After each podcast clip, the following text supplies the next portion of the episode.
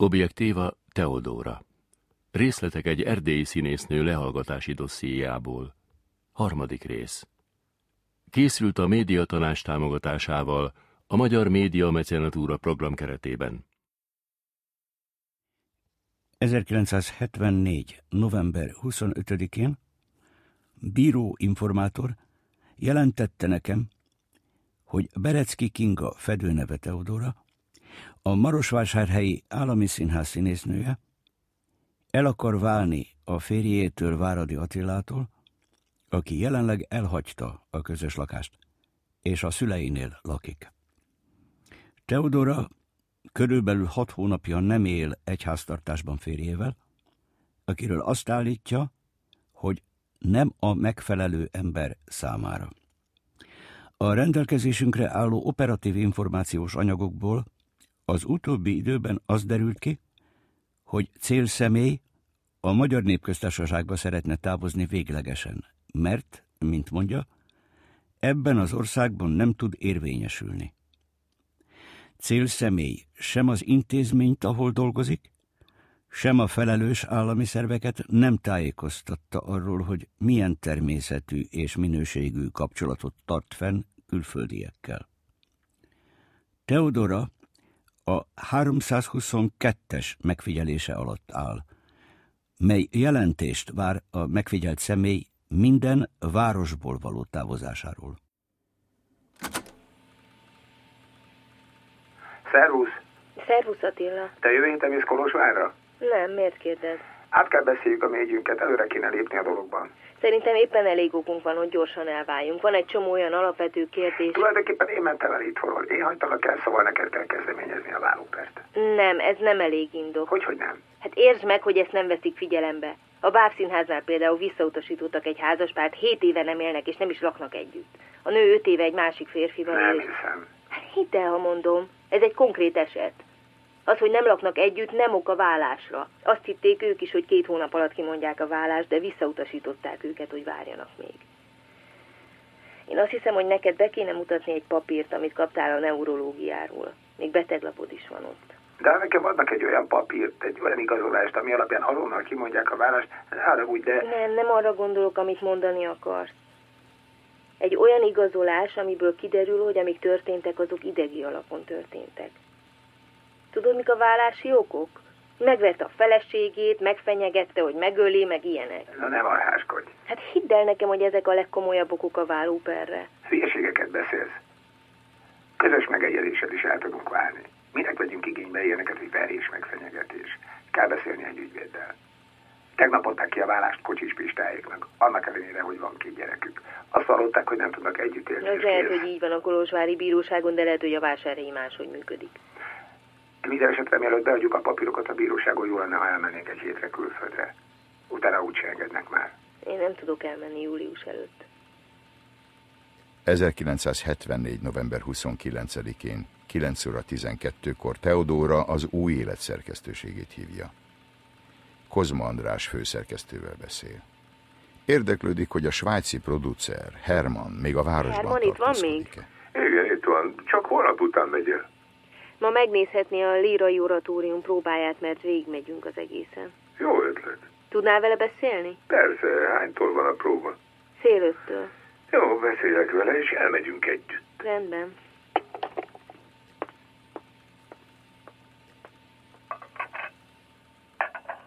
Édesanyám,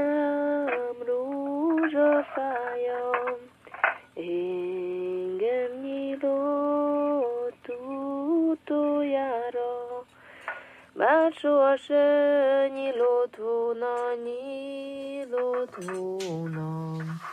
Maradtam volna bimbóba te. Édesanyám, mondta nékem, minek a szerető nékem. De én arra nem hallgattam, nem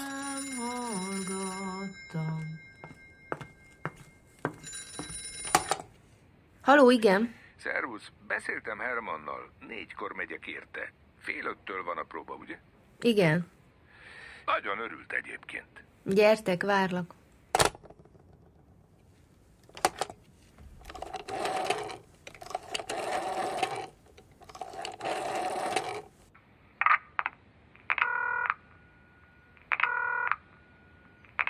Haló, Nemzeti Színház. Jó napot kívánok, Sós elvtársról szeretnék beszélni.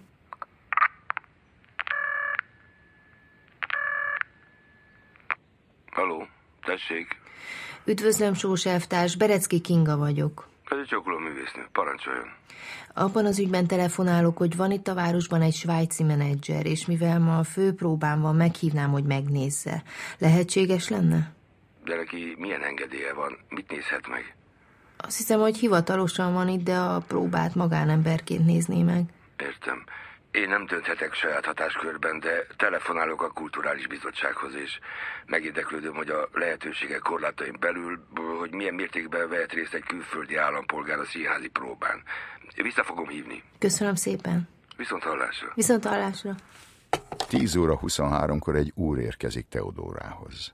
Az úr Katona Zsolt díszlettervező. Herceg György színházrendező legközelebbi munkatársa. Egy éve távozott Magyarországra, román állampolgár. Néhány órája érkezett Magyarországról. Ahogy belép a lakásba, kinyitja az ablakot, mert nagyon melege van. Aztán kezdi kipakolni az újszülötteknek való holmit, amiket Teodórának hozott. Blúzokat, rúdalozókat, ingeket, pelenkát. Célszemély elmondja, hogy a húgának, Melindának van rá szüksége. Katona Zsolt ad neki csípős paprikát, és szappanokat is. Nézd csak itt egy cipő is. Ezért legalább 190 lejt ki. Mi ez, gyöngyvirág szappan? Milyen régen éreztem ilyen illatokat. Gyere át Magyarországról érezhetsz. Most nem tudok menni. Nem kapnál útlevelet? De kapnék, de most nem szeretnék menni. Számolt ki, légy szíves, mennyivel tartozom. 290 lej. Plusz a cipő ára. Mesélj, hol dolgozol, mert nem tudtam kideríteni. Nem dolgozom most sehol. Beadtam a felmondásom. Miért? Meg kellett volna csinálnom egy tervet, 57 rajzal. És? Egy ilyen tervhez, az egy teljes és komoly dolog, akkor legalább 18 ember kell. Meg voltunk rá hárman. Teljesen komolytalan dolog. Akkor ezek szerint az élet ott se olyan könnyű. Az élet ott sokkal bonyolultabb, drága. És Magyarország egy rettenetesen provinciális hely. Sokkal provinciálisabb, mint Románia. Azon kívül, hogy van mit enni, és lehet szabadon utazni, nincs semmi érdemleges. Az emberek pénzt keresnek, autókat vásárolnak. És azokat, akik ebben nem vesznek részt, figyelembe se veszik, nem léteznek. Direkt azt akarják, hogy ezek az emberek ne is legyenek számításba véve? Tulajdonképpen felháborító, ami ott zajlik. A tévében, a művészeti kulturális műsorban az első dolog, amit meglátsz, az egy tehén, aki kritikán aluli módon vezeti a műsort. Egy tehén, aki még beszélni sem tud. Mert ha még egy beszélő tehén lenne, az legalább... Jó, de hát mi, mi, mi, mi ebben olyan nagy dolog? Hát itt legalább, itt ezerszer inkább ez van. De hogy van? Nincs összehasonlítási alapod. Te már elfelejtetted. Nem felejtettem el. A román televízióban ezt az adást, ezt a műsort Haulika vezeti. Haulika vezeti, és amikor Haulika beszél, az ő szájából Európa beszél. Európa szól. A filmművészeti műsort Ekaterina Oproju vezeti. Nem úgy, mint ez a másik, ez a Büvei Zsuzsa, aki még titkárnőnek is alkalmatlan nem, hogy egy ilyen műsort vezessen. Ez egész egyszerűen elképesztő. És ez egy másfél órás műsor, amiben csak valami idióta hangulatokról van szó. Nem, nem, egész egyszerűen ez elviselhetetlen. Másnap bemegyek az irodába, beszélek az embereknek erről a dologról, és a többieket hát semmi. Megszokták. Nekik ez egy teljesen elfogadható dolog.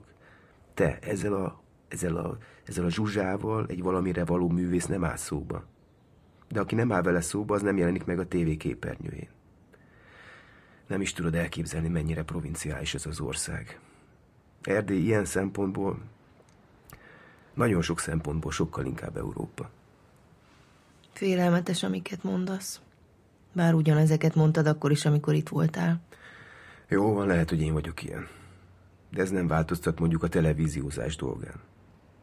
Most értem meg igazán pontosan Móricz regényeit, amikor azokkal a jelenetekkel, amiket ott leír, naponta találkozom.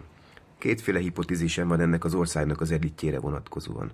Vagy az van, hogy számomra ez az elit elérhetetlen, nem tudok vele kapcsolatba kerülni, vagy ez az elit úgy, ahogy mi itt elképzeltük, egyáltalán nem is létezik. Most értem igazán pontosan. Most jöttem rá arra, hogy miért lett öngyilkos József Attila. Miért tették tönkre zsinórban az összes igazi tehetséget, akik európai szinten mozogtak. És miért vannak tele a külföldi katalógusok magyar művészek, magyar tehetséges magyar emberek neveivel, magyarokkal, zenében, képzőművészetben, festészetben, építészetben, atomfizikában. Miért mentek el azok az emberek? Teljesen természetes, hogy ott, Magyarországon, a tehetség egyenlő a fizikai megsemmisítéssel.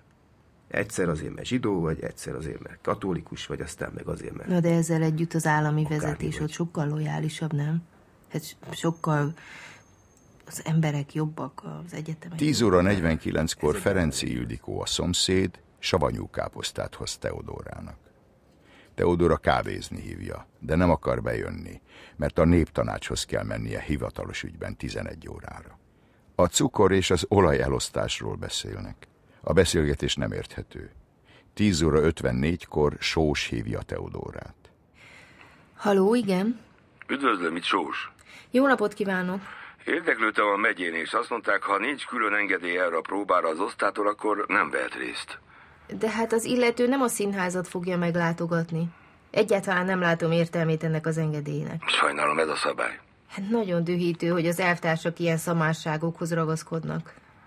Ne haragudjon, de nem tudom megérteni, hogy miért nem vehet részt valaki egy olyan előadás főpróbáján, amit két nap múlva amúgy is bemutatnak a közönségnek. Akárhogy is a törvények értelmében minden külföldi személy csak oda mehet, ahova korábban engedélyt kért. De hát honnan kérjen engedélyt? Az osztától vagy az áriától.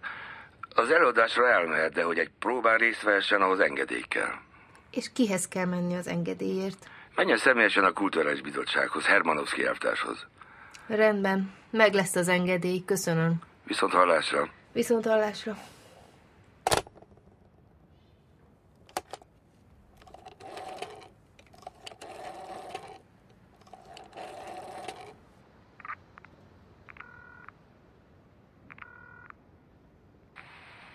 Tessék, új élet. Szervusz, András. Most beszéltem Sóssal a színházból, és kell egy engedélye a Kulturális Bizottságtól. De minek? Én is ezt kérdeztem. Sós felhívta őket, és azt mondták, hogy külföldieknek csak oda lehet menni, ahová korábban engedélyt kért. És kitől kell kérni az engedélyt? Valami Hermanovszkitól. Jó, beszélek vele. Egyszerűen nem értem ezeket a dolgokat. Mi, mi ennek az értelme?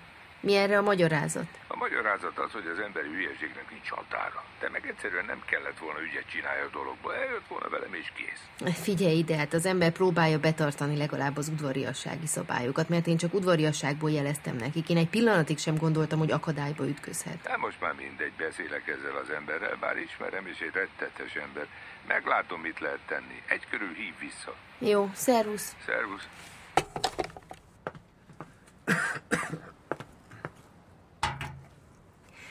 És akkor most mit fogsz ott csinálni? Nem akarsz színházhoz menni? Semmit sem akarok. Ott voltam, gondolkoztam, kielemeztem a dolgokat. Most az a lényeg, hogy felmondtam a munkahelyemen, elég volt. Ezrében vannak olyanok, akik külföldi autókkal furikáznak. Főleg volvo meg Mercedes látni. Egy Volvo 400 ezer forintba kerül. De akinek Volvoja van, az már garást is akar, villát is akar. És aki belép egy ilyen spirálba, az teljesen elveszíti a, az önkifejezés erejét. És azt a képességet is, hogy néha nemet mondjon. Tehát van valami, valamiféle nyomás a társadalom részéről, hogy mindenki legyen valaki, mert ez az a kritérium, ami alapján tudomást vesznek rólad. Például a ruhád meg az autód alapján sorolnak be valahol. Én a Trabantommal egy senki vagyok. Nem vagyok figyelembe véve.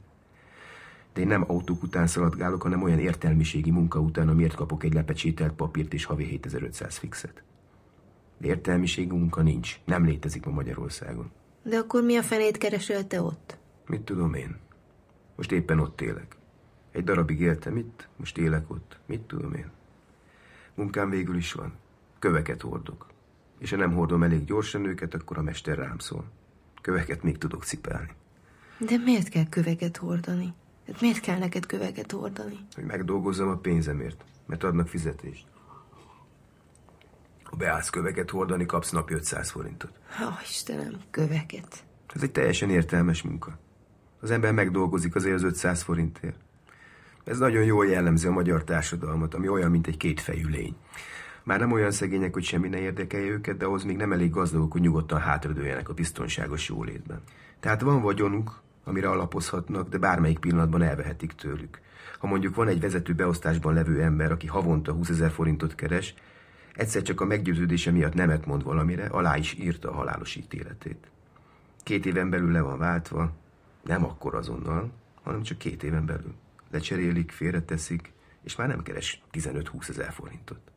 Viszont már van egy villája és havi kiadásai az ő életszínvonalán, ami költséges. Havi 8 ezer forint. Tehát ő 5 ezer forintból nem fog tudni megélni. És nem is akar, mert már rég elfelejtett, hogy voltak más célja is azon kívül, hogy ezt az életszínvonalat elérje. Szóval minden megfenek lett. Jól van, drága szívem, de mi az, hogy megfenek lett? A művészetben igazán nem lehet erről beszélni. Ott inkább a nyugati szisztéma működik. Nem nyugati szisztéma, mert olyasmit ők nem engedhetnek meg maguknak, amit nyugaton szabad. Nyugaton persze, hogy nem fenek lett meg a dolog, de a magyar színházi szakma olyan, mint Hollywood a 30-as években. A demokrácia csak látszólagos, ahogy a szabadság is. Sokkal inkább megbonyolítva azzal, hogy mit szabad és mi az, ami tilos. Eléldegélni, letelepedni lehet, de akkor csak bizonyos dolgokat csinálhatsz. Nagyon nehéz, és borzasztóan keserű annak, aki akar is valamit. Annak, aki jól akar élni és pénzt keresni, hogy jókat egyen és utazzon külföldre, akinek semmi más célja nincs, mint hogy minél magasabbra jusson ezen a szamár létrán, azoknak a lehető legjobb dolguk van. Szóval nagy szar van. Most persze, természetesen egy nagy hülyeség, hogy még én beszélek, de csak azt akartam neked mondani, hogy ezek a dolgok pont akkor válnak problematikussá, amikor az emberek többségének már nem a napi betevő után kell rohanni, vagy már nem az van, hogy nincs mit tenni, vagy hónapokig, vagy akár egy életen át várni arra, hogy egy pecsétet kapjon a papírjaira, hogy elmenjen a szomszéd országba. Abban a pillanatban, amikor ezek a dolgok megoldódnak, az, ami ezen túl van, az teljesen lényegtelen nekik. Miért csukod be? Kihallatszik az utcára. Egyszerűen nem tudom elhinni, amiket mondasz. Ez csak a dolgok egyik oldala. A dolgok másik oldala az, hogy vigyáznak, hogy az embereknek legyen mit tenni, mert akkor nem lesz semmi gond. Mindenki csendben lesz. De aki csinálni is akar valamit, vagy tovább vinni egy hagyományt, vagy hát annak semmi esélye a Magyarországon. Egyébként, ha az ember figyelmesen olvassa a nagy magyar írókat, mindegyik ugyanerről ír. A provincializmusról és arról, hogy a tehetségnek el kell menekülnie, hogy meg ne folytsák. Ezt írja Móricz, ezt írja Petőfi is, és többi is. Akkor én valamit félreértettem. Akkor ez nem a szocializmus következménye? Hát most, hogy Szolzsenyi szint olvasok, még kevésbé hiszek abban, hogy a történelmi tettek, a történelmi hagyomány, a történelem során kialakult hozzáállás mechanizmusa megváltoztatható akár a szocializmus, vagy bármi más vallás vagy rendszer által. Ezek egész egyszerűen beépülnek az új rendszerbe, és az új rendszer ugyanúgy működik ugyanazokkal a kritériumokkal, mint az előző rendszerek. Látod, egy ruha egy emberen nem elég ahhoz, hogy érezhetően megváltozzon. Ugyanakkor jelenleg még nehezebb a változás. Ugyanúgy elfogadhatatlan az a fanatizmus, ami most van, mert ahogy ennek a hülye ceausescu bizonyos dolgokban igaza lehet, úgy a fasiszta demagógiának is lehetett igaza, és ugyanúgy borzasztóak a következmények. De mindenek előtt persze, a legkomolyabban le kell szögeznem, hogy Magyarországon még mindig jobb élni, mint Romániában. A kettőt össze se lehet hasonlítani. Persze. Persze, hogy nem lehet összehasonlítani. Amikor ott tartunk, hogy itt elkezdik korlátozni a cukor és az olajadagokat. Nincs cukor? Cukor van. A boltban van cukor, de sorba kell állni, ráadásul hátul az udvarban, mert szégyelik, hogy három-négyszáz ember áll sorba. Sorba kell állni egy rettenetes udvaron, ami tele van szeméttel és patkányokkal. Mindenki fel van háborodva. Már 15 kiló cukor birtoklásáért kitettek egyeseket az újságba. Mikor egy valamire való háziasszony a téli eltevésekhez használ 50 kilót, a baj az, hogy az emberek be vannak pánikolva, hogy később majd nem lehet kapni cukrot. Ha több tonnát osztanának szét egyszerre, az is elfogyna egy nap alatt. A dolgok egyszerűen nincsenek jól megszervezve. Újra be kellett volna vezetni a jegyrendszert, vagy nem tudom. De az sem megoldás, hogy a vállalatokban osztják szét. Az öregek és a gyerekek mit csináljanak? Halljanak éhen? 12 óra 55-kor Teodóra felhívja Kozmát, aki azt mondja, hogy nem sikerült elérnie Hermanovskit. Teodóra azt mondja, hogy neki az a gyanúja, hogy Hermanovskit meg se kérdezték ez ügyben. Kozmának az a véleménye, hogy ne erőltesse a dolgokat, de azért beszélni fog valakivel, aki esetleg tudna segíteni. Visszahívja majd Teodórát. De ezen a napon már nem hívja vissza. Haló? Szervusz. Igen, ö, szervusz. Mi a baj? Semmi, csak meglepődtem. Mit csinálsz? Semmi különöset. Felmehetek? Igen, egy óra múlva. Nem zavarlak? Nem, nagyon örülök. Gondoltam, jobb, ha telefonálok előtte. Akkor egy óra múlva ott vagyok. Várlak. Hogy van Attila? Rosszul. Az mit jelent? Ha eddig minden hónapban egyszer fenyegetőzött öngyilkossággal, most minden fél órában elmondja. Rettenetes. Pár órát is nehéz mellette kibírni, nemhogy egy egész életet. Nem lehet a depresszióból kimozdítani. Sehol nem akar dolgozni. Semmilyen politikai akcióban nem akar részt venni. Hát próbáltam rábeszélni, hogy menjen el a tanügybe legalább helyettesítő tanárnak, de nem akar. Ha itt van a városban, az anyjánál lakik, de az sem tetszik neki. Miért az anyjánál lakik? Miért nem nálad? Hát mert amíg nálam lakott, folyamatosan azzal fenyegetett, hogy megöli magát. Saját családjával is folyamatosan veszekszik, mert minden idegesíti. Na jó. Késő van. Megyek. Mikor kell ezeket kifizetnem? Minél hamarabb. Akkor adok most 300 lejt, ez így jó? Jó. Holnap kereslek a színházban. 17 óra 52-kor az a férfi érkezik a lakásba, aki legutóbb telefonált. A férfi Marosi András, színész hallgató. Célszemély tanítványa. A nappaliban vannak. Pálinkát isznak. Jelentéktelen dolgokról beszélnek. Teodora elmondja, hogy egy műsort kell összeállítania a diákokkal, amit a színházban mutatnak majd be. Arra kéri Andrást, hogy beszéljen az első éves lányokkal, hogy ők is vegyenek részt a műsorban. Többek között erotikus versek is lennének a programban. Megbeszélik, hogy András milyen verset mondjon. András az Arany és Kék szavakkal című Gida Jenő versre gondolt. Teodora kéri, hogy mondja el. Miképpen boltíves, pókhálós vénterem zugában álmodó középkori barát. Ki lemosdotta rég a földi vágy sarát, és már félig fent lebeg a tiszta éteren. Ül roppant asztalánál, mely könyvekkel teli, és a nagybetűk közébe kis képecskéket ékel. Madonnát fest örökké arannyal és égi kékkel.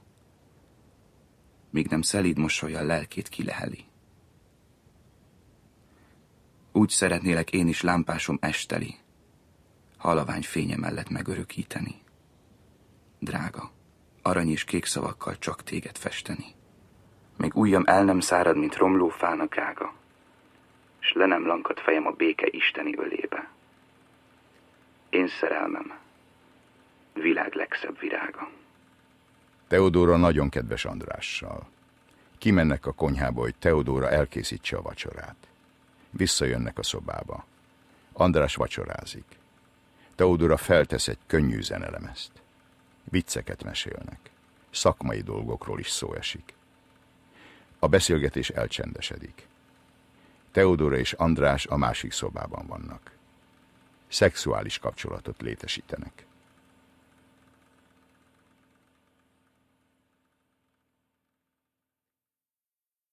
Objektíva Teodóra. Részletek egy erdélyi színésznő lehallgatási dossziéjából. A harmadik rész hangzott el. Szereposztás. Teodóra, töröki és orsolya. Katona, Hajdú Szabolcs. Szekuritáti ügynök, Hegedűs D. Géza. Florea, szolgálati főnök, Fodor Tamás. Attila, Zsótér Sándor. András, Gelányi Bence. Kozma, Szilágyi Tibor. Sós, Török András. Portás, Molnár Enikő. Közreműködött Szalóci Pál. A felvétel a Böhm Sound Design stúdióban készült. Hangmérnök Rédli Dénes. Stúdióvezető Böhm Dániel.